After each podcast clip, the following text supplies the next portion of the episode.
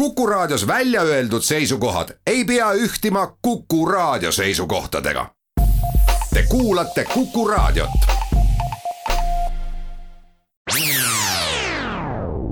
Restart. saadet toetab Katana, tootjate parim abiline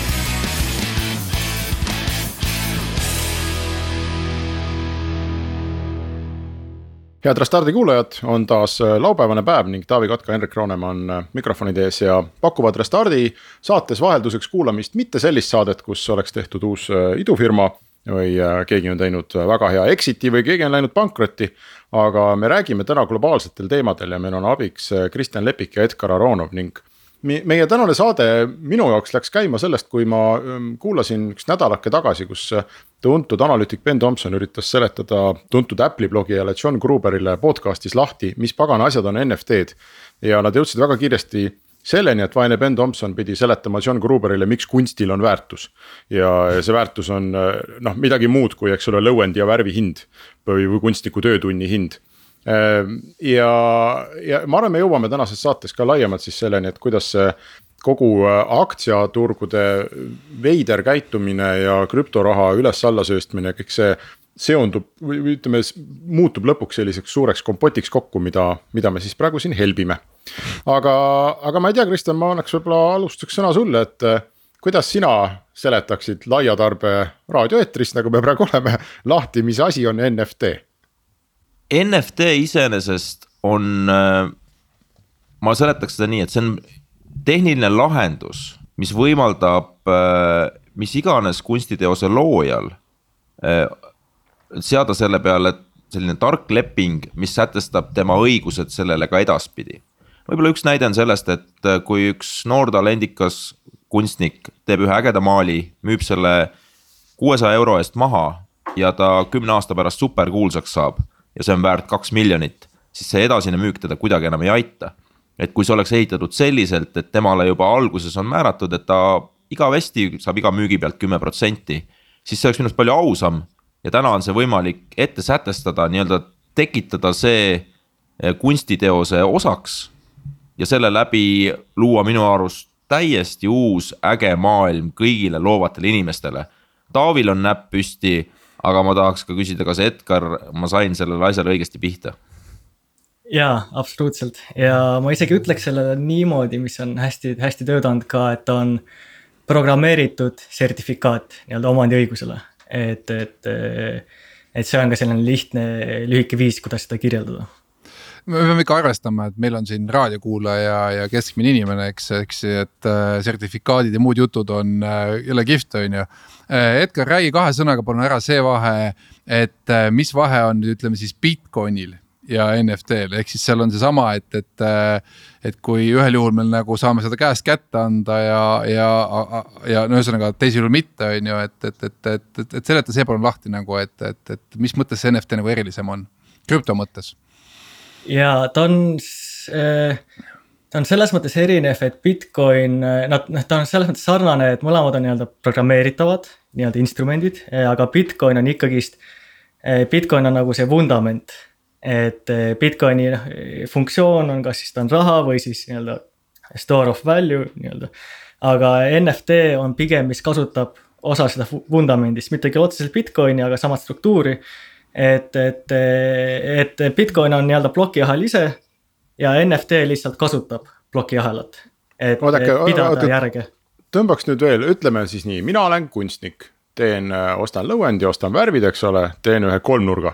ja nüüd musta. müün, musta, jah, ja sest praegu ei ole väga rõõmus aeg, teeme tumedates värvides teoseid. ma müün nüüd selle, sellesama kuuesaja euro eest sulle, Kristjan, maha sina ostad selle kolmnurga mu käest ära, mis, mis hetkel või kuidas nüüd see, mis me siis teeme, et see asi nüüd NFT-sse läheks?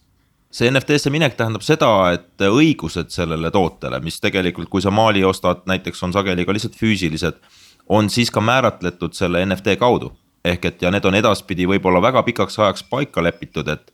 tegelikult, kui me mõtleme Bitcoini, siis iseenesest seda võib vaadelda kui valuutat ja NFT-d eh, ehk seda toodet selle valuuta peal. ehk et, et tegelikult äh, ma ütleks isegi nii, et me Edgariga ilmselt mõlemad oleme krüptorahades toimuvat vaadanud ja toimetanud seal juba pikki aastaid.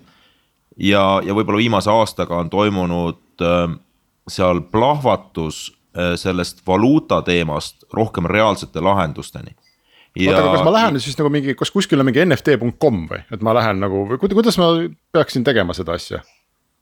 Seal on äh, sellised turuplatsid nii-öelda, kus sa saad äh, online keskkonnad, kus sa saad neid osta.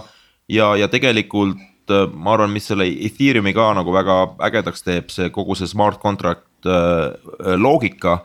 ehk et sinna peale, nüüd me ei räägi enam sellest krüptorahast, vaid me räägime sellest, et selle baasil on võimalik ehitada nagu reaalseid raha, lahendusi, et üks asi on, sul on raha kontol, mis on siis Bitcoin või Ethereum, kui me selliselt võtame aga see ei ole üldsegi see, milleks meil raha on, et meile raha tervikuna ka eurode näol on vajalik sellepärast, et sellest saab midagi. ja nüüd siit saab midagi, opa kui ägedat. ja ma korraks, ma korraks lisaks ka juurde su sellele küsimusele, et et, et kus sa selle NFT siis nagu paned, et, et me võime seda vaadata, noh praegu on kogu NFT, enamus NFT liikumisest, noh suur osa on Ethereumi peal ja me võimegi võtta Ethereumit kui nii-öelda operatsioonisüsteemina. et igaüks saab sinna ligi, igaüks saab sinna programme peale ehitada ja kui sina ehitad, lood oma, lood selle kunstiteose, sa seod selle kunstiteose NFT-ga ära, ütled, et näed, see NFT token esindab omandiõigust minu sellele maalile. Aha. ja siis sa, ja siis sa paned selle, selle token'i nii-öelda sinna Ethereumi operatsioonisüsteemi sisse kõik saavad sealt seda näha, inimesed saavad seda kasutada, kui sa oled neile selle õigust andnud. et on kõik on ühes sellises nii-öelda OS süsteemi all. aga see teos võib olla ka füüsiline või see peab olema digitaalne? mõlemat saab olla, et kui ta on sul füüsiline, siis sa lihtsalt pead sellega arvestama, et noh, et kui sa müüd. noh, seda hoiustamist, et sa lood selle maali, sa müüd selle omandiõiguse maha nii-öelda internetis Ethereumi peal siis, aga noh, siis sa pead selle maaliga nagu järgi saatma aga mhm. praegu on väga suur osa nii-öelda populaarseid NFT projekte on sada protsenti digitaalsed. et siis, mis teeb selle lihtsamaks. mul on praegu vaatan siit seina peab, mul on siin Kaido Ole maal, see on minu oma. mina ostsin Kus, selle ära. kust sa tead seda? Kuidas? no on mingi leping. Kaido käest ostsin ja põhimõtteliselt nagu kokkulepped on sellised, on ju, et raha talle ja pilt mulle, on ju, et noh, et, et nii käib asi, on ju. mis tähendab seda, et kui Kaido saab veel kuulsamaks, kui ta juba on, ta on muidugi kuulus juba, eks, aga kui saab veel kuulsamaks. siis põhimõtteliselt äh, ja mina nüüd seda pilti edasi müün, siis Kaido selle pildi pealt enam ei teeni, sellepärast et see on minu käes ja minu oma ja nii edasi, on ju. aga võiks ju äh, teenida. aga võiks ju teenida, eks ja selles mõttes nagu äh, see avab põhimõtteliselt nagu täitsa uued võimalused äh, kogu sellele valdkonnale, ehk siis nagu. kui kunsti on siiamaani müüdud näiteks sellisel viisil, et sina teed, mina ostan ja nüüd on see minu oma. siis äh, nüüd tulevikus võib olla see teistmoodi, et näed, et sina äh, teed, mina ostan, aga kui ma edasi müün, pean sulle ka natuke andma, on ju, et äh, uued võimalused. ja mõneti ma ütleks, et tegelikult äh, kogu digitaalne maailm on on palju asju pea peale pööranud ja muuhulgas pööranud ka palju loomemajandusega seotud. kui me võtame kasvõi muusika, siis väga paljusid artiste kuulatakse ju täna väga palju rohkem Spotify ja muude kanalite kaudu, kui neid kunagi tehtud on. samas teenivad nad sellest võib-olla kordades vähem. et see mudel justkui on katkine või arenemisel ja, ja sellega koos on võimalik nüüd luua täitsa uuest, uusi lahendusi. et võib-olla iga kuulamise pealt läheb mingi kokkulepitud osa otseautorile ja vahendajate elu võib minna keerulisemaks. nii et see, see täna on see väga toores, et esimesed lahendused on alati seda tehnoloogias ja tuleb ka palju tagasilööke, aga mul on väga raske näha, et seda NFT-de suurt kasvu ja loomeinimeste selliselt põnevamalt rahastuse seadmist selle ümber, seda miski peataks. ma arvan, et see on voog, mis tuleb lähemad aastad tohutu tempoga ja oleme Edgariga siin ka ühes krüptohuviliste chat'is, et seal, seal, seal liigub äh, infovahetus ei käi nädalatega, käib päevadega, käib kuudega, et see, mis kuu aega tagasi on täiesti iganenud maailm tänaseks, et see on tohutult äge ja kummaline ka mõtle, kui sa teed mingi asja, mis läheb viraliks, noh, tegid mingi vahva kihvi on ju, liikuv kihv, õudselt rahvale meeldib, on ju, siis täna üldjuhul tegid selle valmis, ta läheb viraliks sellepärast, et on lihtne kopeerida. see on tasuta ja noh, põhimõtteliselt on see intellektuaalse omandi noh vargus, noh nimetame seda niimoodi, on ju, et noh, et, et otsesõnu. aga mõtle, kui kihvt, kui ma saaksin selle iga kasutuse pealt äh, sendi ja, ja see oleks üles ehitatud niimoodi, et mitte, et nüüd igaüks peaks käima mulle seda Swedbankist seda senti üle kandmas, on ju, vaid ongi tehtud niimoodi, et nii kui ma selle GIF-i nüüd kuskile oma mingile saidile või oma mingi asja juurde panen. automaatselt minu krüpto wallet'ist läheb siis see väike sendikene siis sellele autorile, eks on ju, et, et see on taustas kõik ära korraldatud, eks. sellisel viisil nagu noh hoopis teine minek kogu meie kunsti, kunstivaldkonna. oota, oota, aga Taavi, aga selleks on ju vaja ikkagi, et noh, ütleme, et mina olen mingi blogija kes yeah. paneb selle sinu GIF-i üles. et yeah. selleks on vaja, et ma täitsa vabatahtlikult selle värgiga nagu liituks, on ju, või et yeah. siis see minu platvorm on nagu liitunud ja öelnud, et kui sa paned ei, selle aga... üles, siis on niimoodi aga sa oled ju selline inimene, kes tegelikult ei taha varastada teiste inimeste loomet ja nii edasi, on ju, ehk siis sa niikuinii, kui sa paneksid mingit pilti või, või, või mingit, noh, ühesõnaga a la.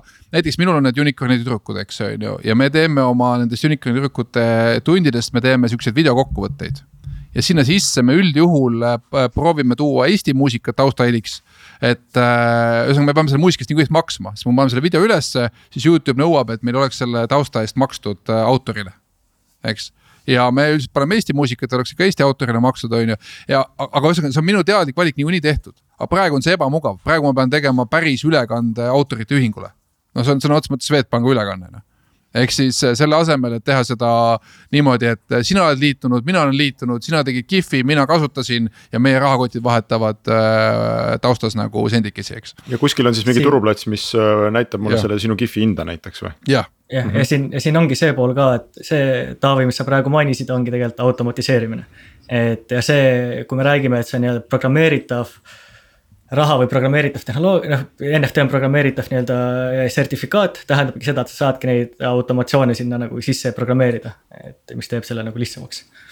Aga iseenesest no siin oli, eks ole, nädal või kaks tagasi oli üks, üks äh, kuulus juhtum, kus, kus keegi kunstnik müüs oma digitaalse kunstiteose, mis see hind oli, ligi seitsekümmend miljonit dollarit vist, kui ma õigesti mäletan. et äh, jah, ja see oli ju fail. Äh, ja ma saan aru, et keegi ostis selle ja kellelgi on nüüd noh, mingisugune numbritähejada on ju, mis ütleb, et see on minu mina ostsin selle, aga, aga noh, seda faili iseenesest ju saab kopeerida, levitada ja mida iganes sellega teha, eks, et selle vastu see ju ikkagi kõik kuidagi ei kaitse.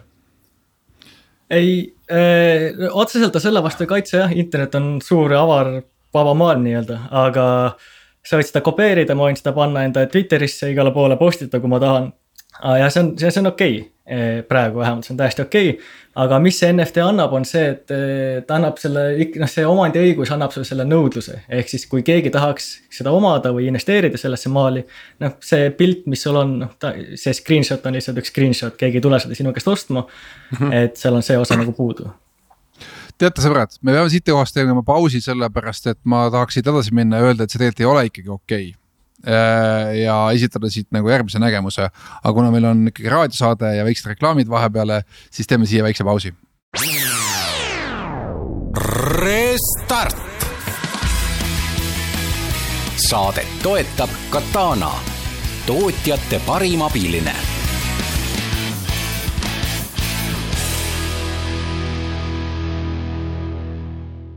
Restart läheb edasi, Taavi Kotka ja Henrik Roonemaa külaliseks on äh, Kristjan Lepik ja Edgar Aronov ning me üritame selgust saada väga keerulisest äh, maailmast, mille koondnimetus on uued programmeeritavad lepingud, rahad ja, ja krüpto ja kõik muu selline. aga Taavi, sul oli, sa tahtsid vaielda ma tahtsin vaielda sellepärast, et Edgar eelmises plokis rääkis sellest, kuidas internet on vaba ja kõik on kopeeritav ja nii edasi, on ju, et, et see on sihuke puht eestlaslik suhtumine, sellepärast et äh, noh, ikkagi rahvas, kes on leiutanud Gaza on ju noh, äh, ilmselgelt nagu, nagu näeb seda, et, et kõik, mis internetis on, on, on kõigi, kõigi oma ja kõigi, kõigi pärand, eks ja, ja samas need, kes ikkagi püüavad seda intellektuaalomandi nii-öelda õigusi noh, teha korrektselt neid, et sa ikkagi ostad oma pildid ja ostad oma tsitaadid ja ostad oma fotod ja nii edasi, on ju, et.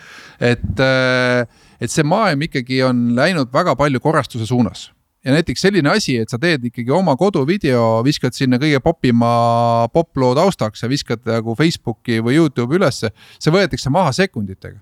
Ehk siis äh, see ei ole niimoodi, et äh, oh, pane üles, et kes ikka näeb, et ega nad ei käi ju ometi kõiki neid äh, videosid läbi vaatamas, mis sinna tuleb, ei käigi. Aga robotid võtavad maha, robot saab aru, et ahaa, näed, see on see Aeroschmidti lugu. kontrollime, kas on antud õigused sellele, sellele videole, sellele loo peale, ei ole tšah kinni. aga siin ju see NFT ei aita selles mõttes nagu ei. kuidagi, et kui see robot tuvastab ära, et sa oled pannud, eks ole, sinna Aerosmithi loo. noh, täna tema nagu käitumine on see, et võta maha, aga noh, teoorias tema käitumine võiks olla see, et ta viskab sulle krediitkaardi akna lahti ja ütleb, et äh, palun kümme senti ja las läheb üles. aga see on nagu mingi äriline otsus, miks nad seda ei tee, see ei, ei aga, ole ju. aga mõtlengi, täna ei ole lihtsalt selleks nagu lihtsat viisi, et no, äh, ütleme niimoodi, et aga miks, miks ei, on, ei, ja, aga vot see ongi see, et nagu mida sa ei nagu ei, äh, kus sul tuleb endal nagu plokk ette teistpidi, on ju, et. Äh, et äh, a la miks nagu inimesed ei loe Postimehe Delfi artikleid, sellepärast et kuutasu on kolm eurot, on ju, üksteist kohvi.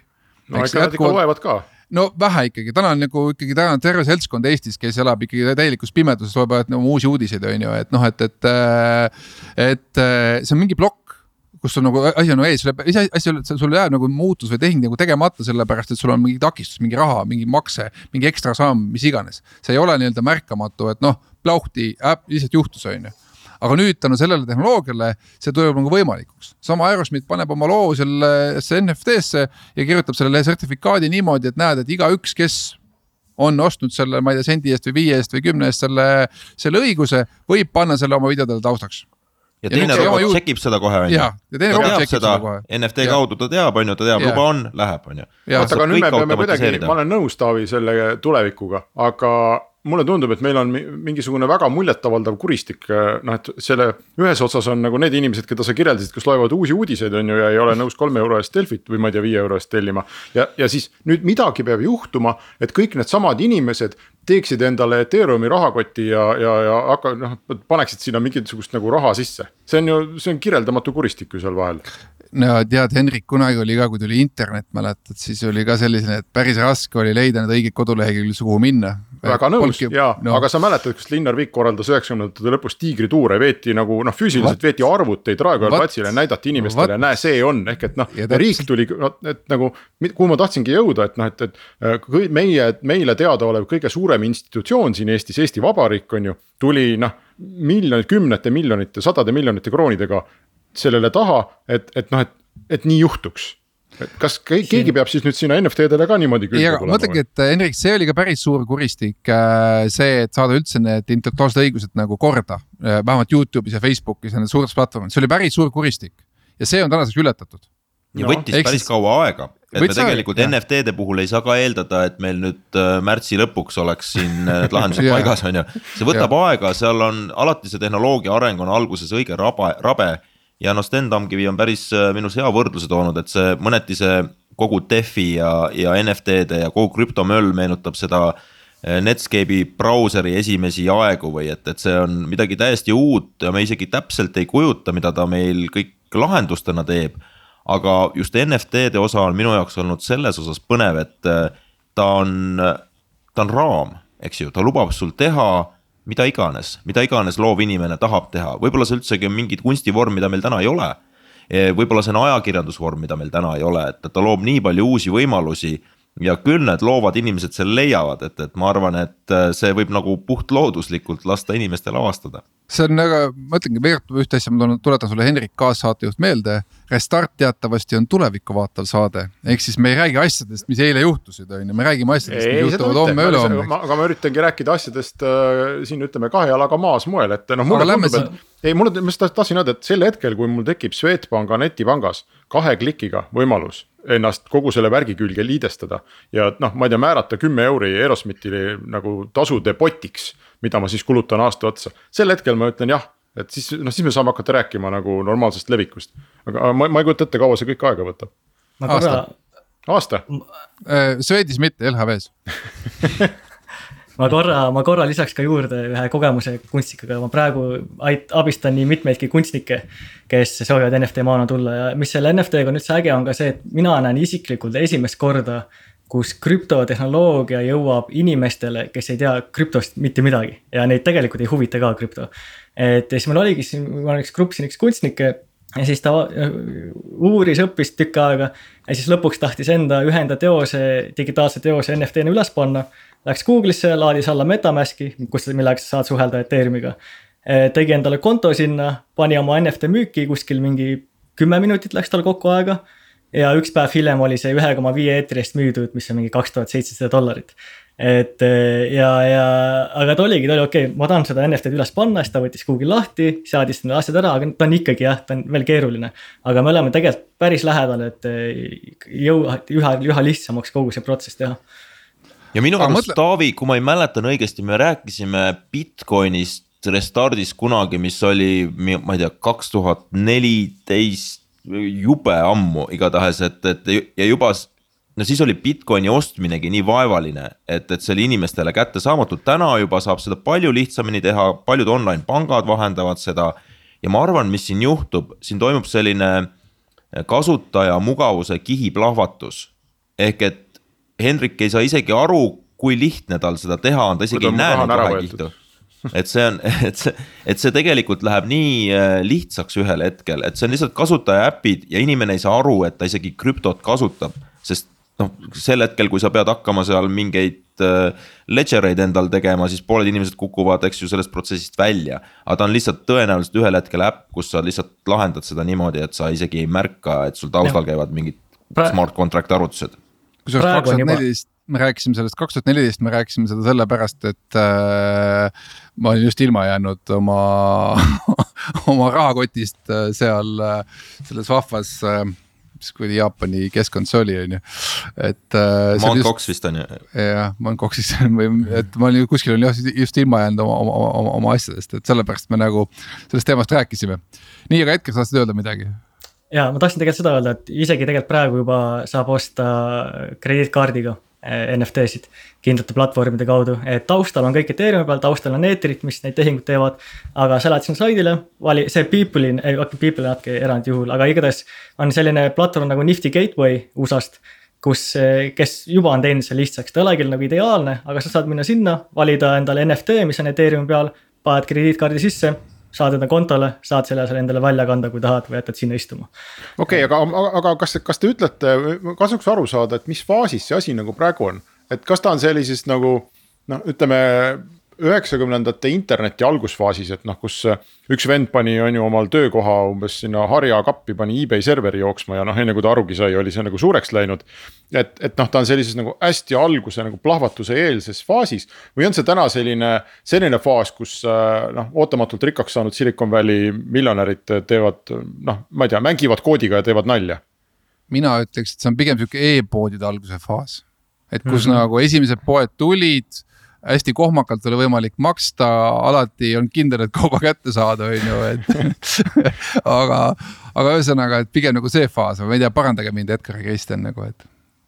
ja ma arvan, et see on väga õige, et, et, et tegelikult mõneti, mis teeb kummalisemaks, et e-pood oli selline konkreetne toode ja siin on justkui tekkinud platvorm, mille peale sa saad luua mida iganes, et noh, ka ma usun, et Hendrikule mitut pidi südamelähedane ajakirjandusmaastik. et tegelikult kui mõelda selle NFT baasil sellele, et miks ei võiks mingi hetk olla selline NFT-ga seotud artikkel, kus kasutajad siis saavad autorile vajadusel raha suunata või siis valida saidile, et need lood on head, need saavad. ja siis see autorile tekib sihuke väike rahavool krüpto näol siis jooksvalt ajas, et see võib ka olla mingi, mitte ühekordne summa, vaid, vaid teatud aja peale jaotatud summad, et seal on kõikvõimalik mänguruum põhimõtteliselt lõputu. et ma arvan, et see võib väga palju selliseid suhteid muuta. ja, ja, ja ajakirjanduse üks osa võib ka olla see, et sa paned sinna pildi, mis on kellegi omakorda kellegi teise NFT-ga seotud. ja see, seda pilti saab kasutada samamoodi selle baasil, et see kõik looming muutub äh, üsna lihtsasti digitaalses vormis jälgitavaks, kellele see kuulub.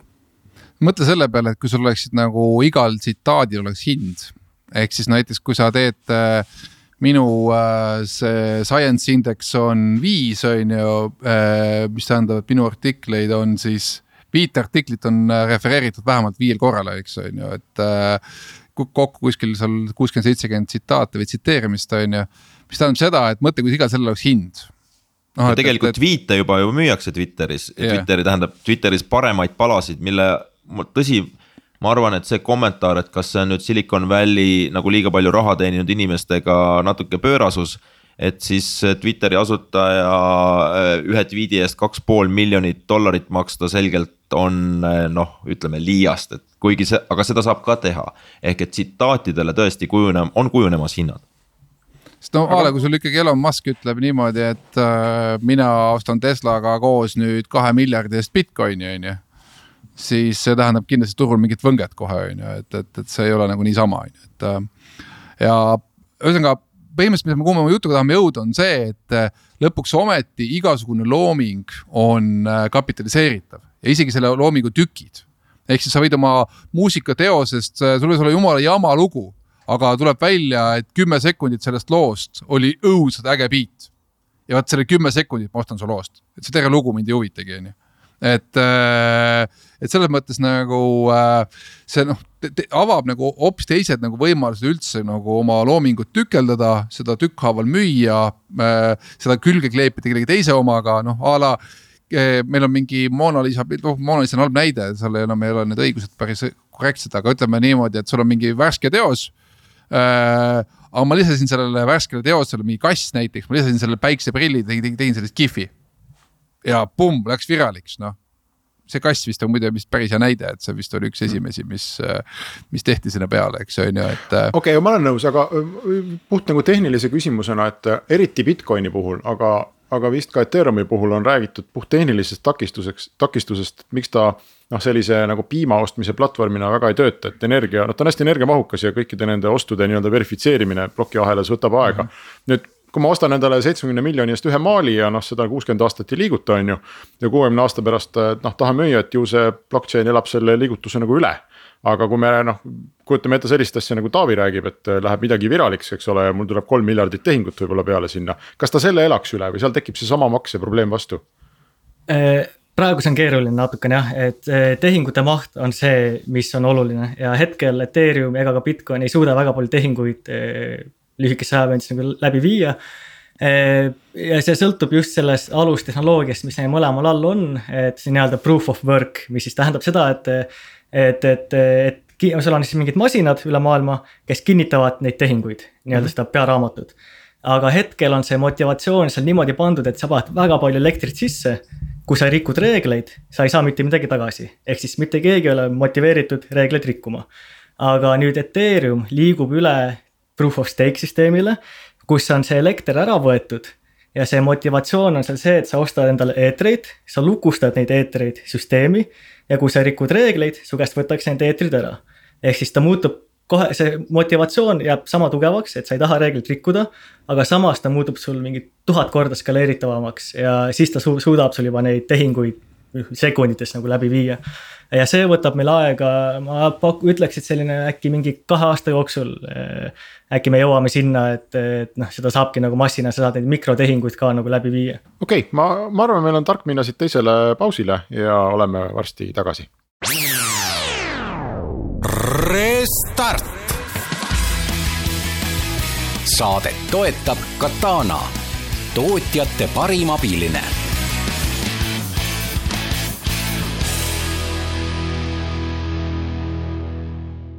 Restardi viimane kolmandik on käes ning äh, me räägime Kristjan Lepiku ja Edgar Aronoviga sellest, mis äh, krüptomaailmas põnevat toimub. Ja me näeme seda ja noh, sama NFT näide ka, et äh, ikkagi sellesse noh, kui muidu krüptomaailmast on räägitud kogu aeg selliselt, et noh, mis sealt ikka kasu on, et, et. noh, leid-, leiutati mingi viis, kuidas kõvasti elektrit kulutada, aga jälle kasulike use case'ide hulk on kuidagi sihukene adi, ei saa neist aru ka, mis smart contract'id ja nii edasi, no sihuke nagu äh, uina-muina, et, et alati kui küsid nagu, et kuule, tooge mingi praktiline näide, kus seda kasu on, siis on kõigil vett suu vett täis, on ju. nüüd näete a la loomeinimesed juba saaksid hakata oma probleeme lahendama ja, ja ütleme nii, et mingites suurtes äh, majandusharudes on reaalselt toimumas mingid muudatused. mis kohe viivad ka sellele küsimusele, et noh, et, et a la kui, kui täna mõt-, ma küsiks, Kristjan, seda sinu käest nüüd, et kui mul on näiteks miljon eurot. Äh, mitte mul, sul on miljon eurot, et ja sa tahad seda investeerida kas sa läheksid tänu sellele, et, et krüptomaailm on nii kiiresti hakkab edasi arenema, suuremaks kasvama. kas sa läheksid pigem krüptosse all in või sa ikkagi nii-öelda kogenud investorina hajutaksid ennast tehnoloogiaaktsiate ja krüpto ja jumal teab, mille vahel veel hmm,?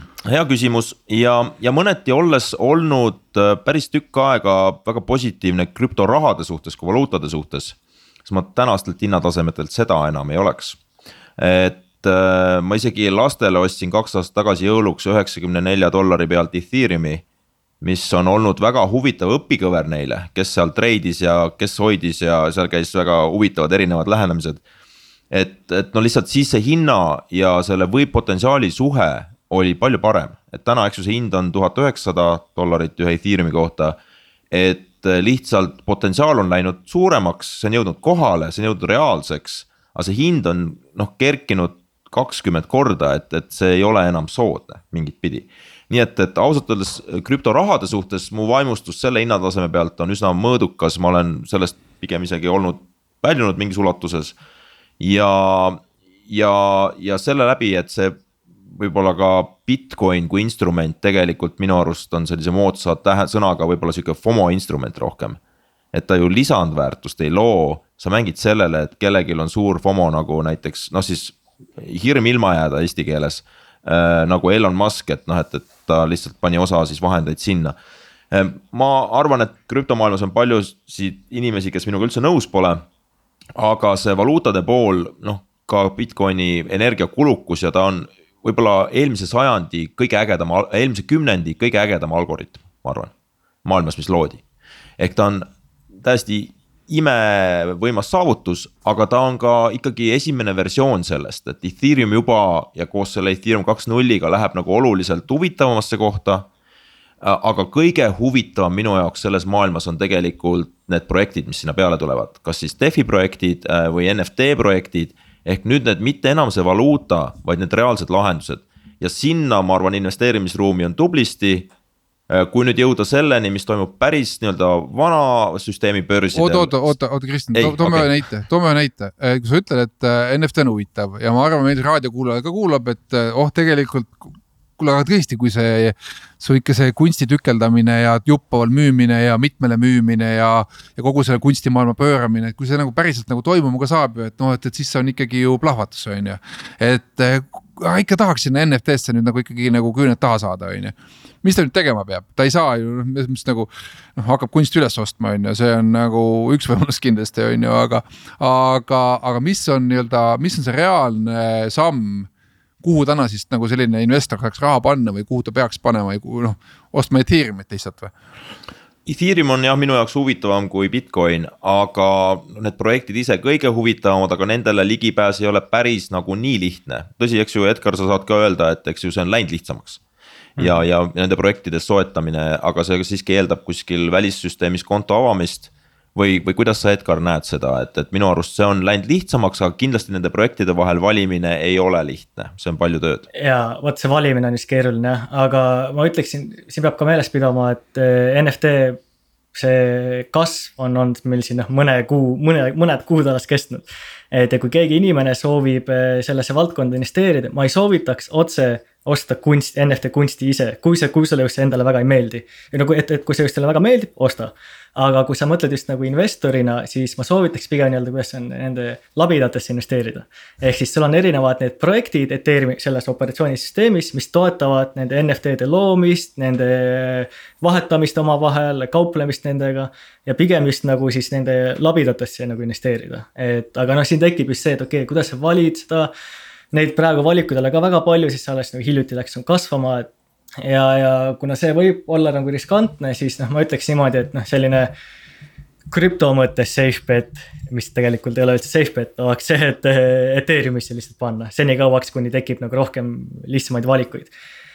et jah, see oleks nagu minu selline soovitus ja meil on, juba on praegu tulemas ka indeksid. Indeksid on jõudnud juba kaugemale, et sa saadki tegelikult ost-, osta varsti indeksid, mis omab siis kompoti nendest labida, labida toodetest või siis, mis omavad üldse kompoti nii-öelda kõrgelt hinnatud NFT-dest. no see oleks ka nagu üks variant, aga see on veel natuke noh, võib-olla läheb veel paar kuud, enne kui nii-öelda inimene, kes igapäevaselt krüptot ei jälgi, noh saaks võib-olla nagu seda kaaluda. ja tulemas on ka näiteks üks, üks võimsamaid labidamüüjaid, Coinbase on tulemas nii-öelda IPO-ga siis või direct listing uga tulemas tavaliselt börsile aga seal on küll valuatsioonid või see nagu hind on kerkinud õige, õige hoogsalt, et kogu see edukus või tähelepanu krüptole on selle ajanud päris kalliks aga mille hind ei oleks kerkinud, mulle tundub üleüldse, kui ma nagu vaatan, et siis kas on see rahatrüki või mis iganes nagu noh, põhjus või hirm, aga kõik, kõikide asjade hind kerkib nagu oh, sorry, meeletu kiirusega äh,. veel täp, lihtsalt täpsustan korra, et äh, äh Fed ütles sellel nädalal, et intressid jäävad pikaks ajaks nulli, ehk siis raha on jätkuvalt odav mm. -hmm. lisaks jagati rahvale kaks triljonit äh, dollarit ja nüüd ma küsin sinu käest kui tuntud majandusteadlase käest, et kui raha on odav ja raha antakse rahvale investeerimiseks juurde, siis mida teeb turg?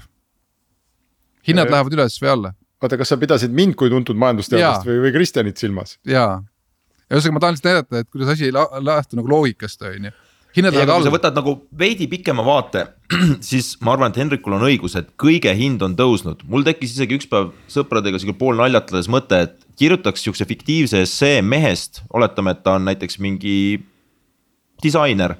kes hakkas kaks aastat tagasi saama Bitcoinis palka ja kolis kogu oma sissetuleku ja kõik arvutused Bitcoini ümber, mitte ta ei mõõda ennem selles, nendes äh, lepalehtedes nimega euro või dollar. ja siis, kui, kui ta nüüd selliselt elab, siis tema vaatab, et oi-oi, et mul on kõik Bitcoinis, et kinnisvara kukub tohutult, kõik kukub tohutult. sest tegelikult, kui nüüd kõikide varade hinnad tõusevad euro vastu, siis tegelikult peaks küsima sulle, kuule, et euro vist hoopis kukub ju aga me oleme harjunud mõtlema euros kui sellises kummalises mõõdikus, mis meie jaoks on tähtis. aga see keskpankade rahatrükk, mis on nagu päris hirmuäratav, et, et ma arvan, et see on pööranud mitmed asjad teistpidi ja kogu see krüptorahade süsteem.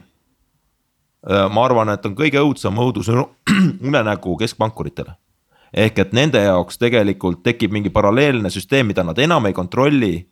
ja võrreldes nende euro või dollariga, mida siis on täiesti nagu vastutustundetult ja piiramatult trükitud.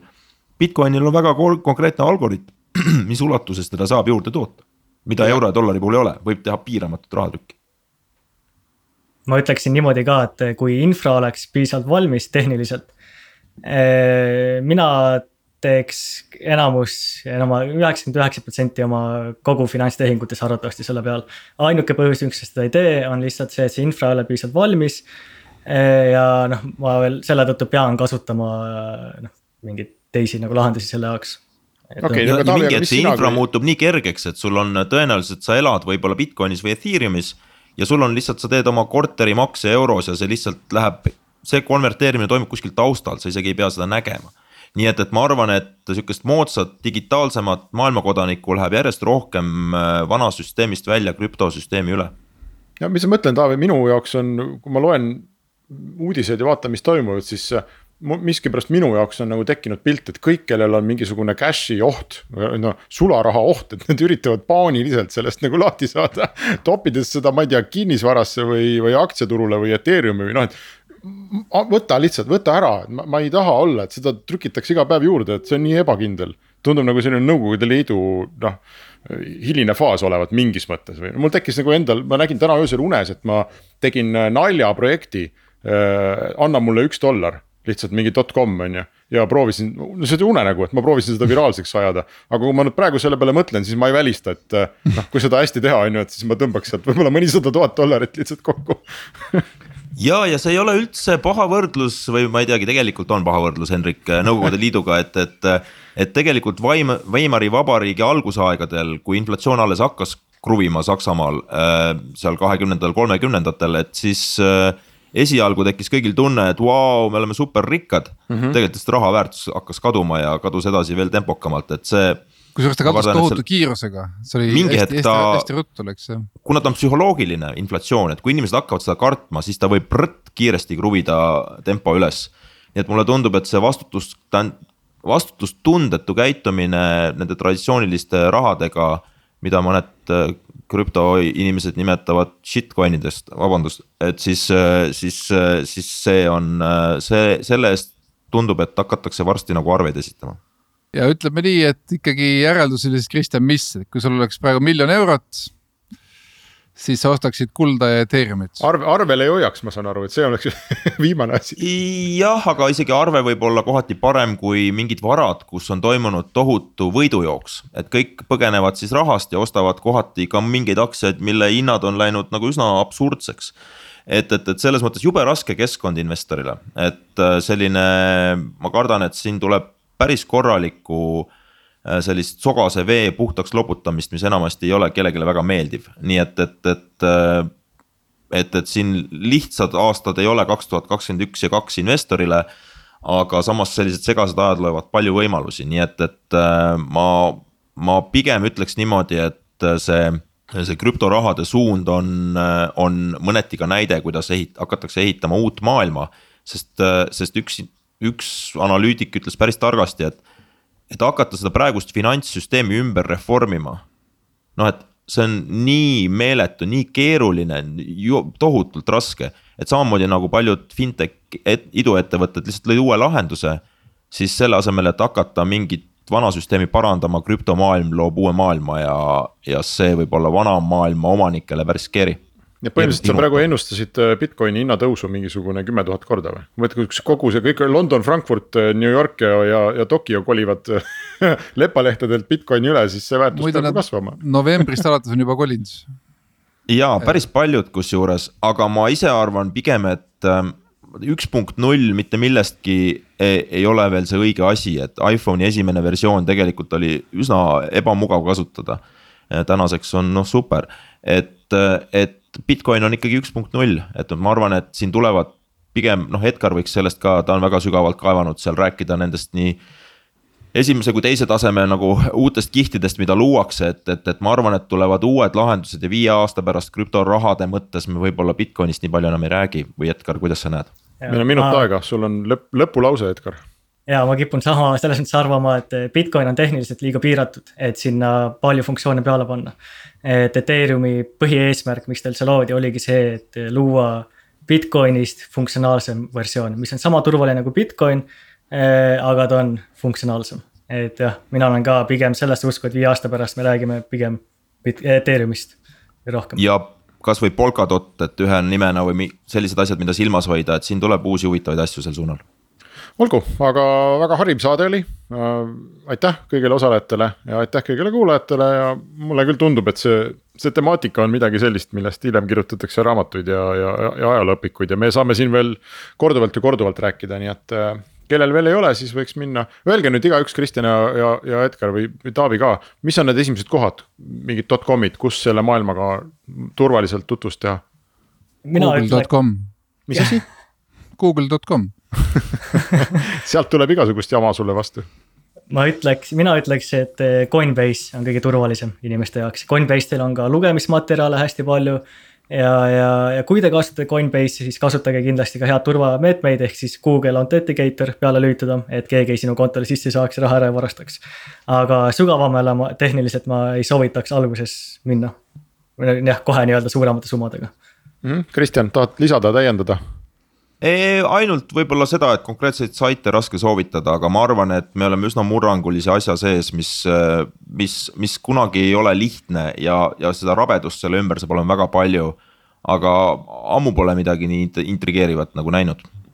ja kui sa oleks kuulanud kaks tuhat neliteist aastat Restardi saadet ja investeerinud näiteks viiskümmend tuhat, oleks sul praegu olnud juba päris mitmed miljonid või siis, kui äh, nüüd kunagi kaks tuhat kakskümmend kuus öeldakse, et kas te kuulasite seda kaks tuhat kakskümmend üks saadet. jah, kus Kristjan Lepik ütles, et see on kõik way liiga kallis ja tema küll ei julgeks osta olgu, meie saade on läbi, aitäh kõigile ja kohtume nädala aja pärast. Restart. saadet toetab Katana, tootjate parim abiline